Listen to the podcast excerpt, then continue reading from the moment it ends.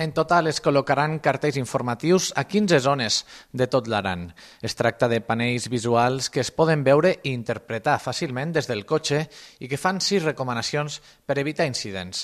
Tancar els passos canadencs, no acostar-se a menys de 20 metres dels ramats, dur els gossos lligats, vigilar amb els gossos d'atura, baixar de la bici si es passa a prop dels animals perquè no s'espantin i aturar el cotxe si hi ha bestiar al camí.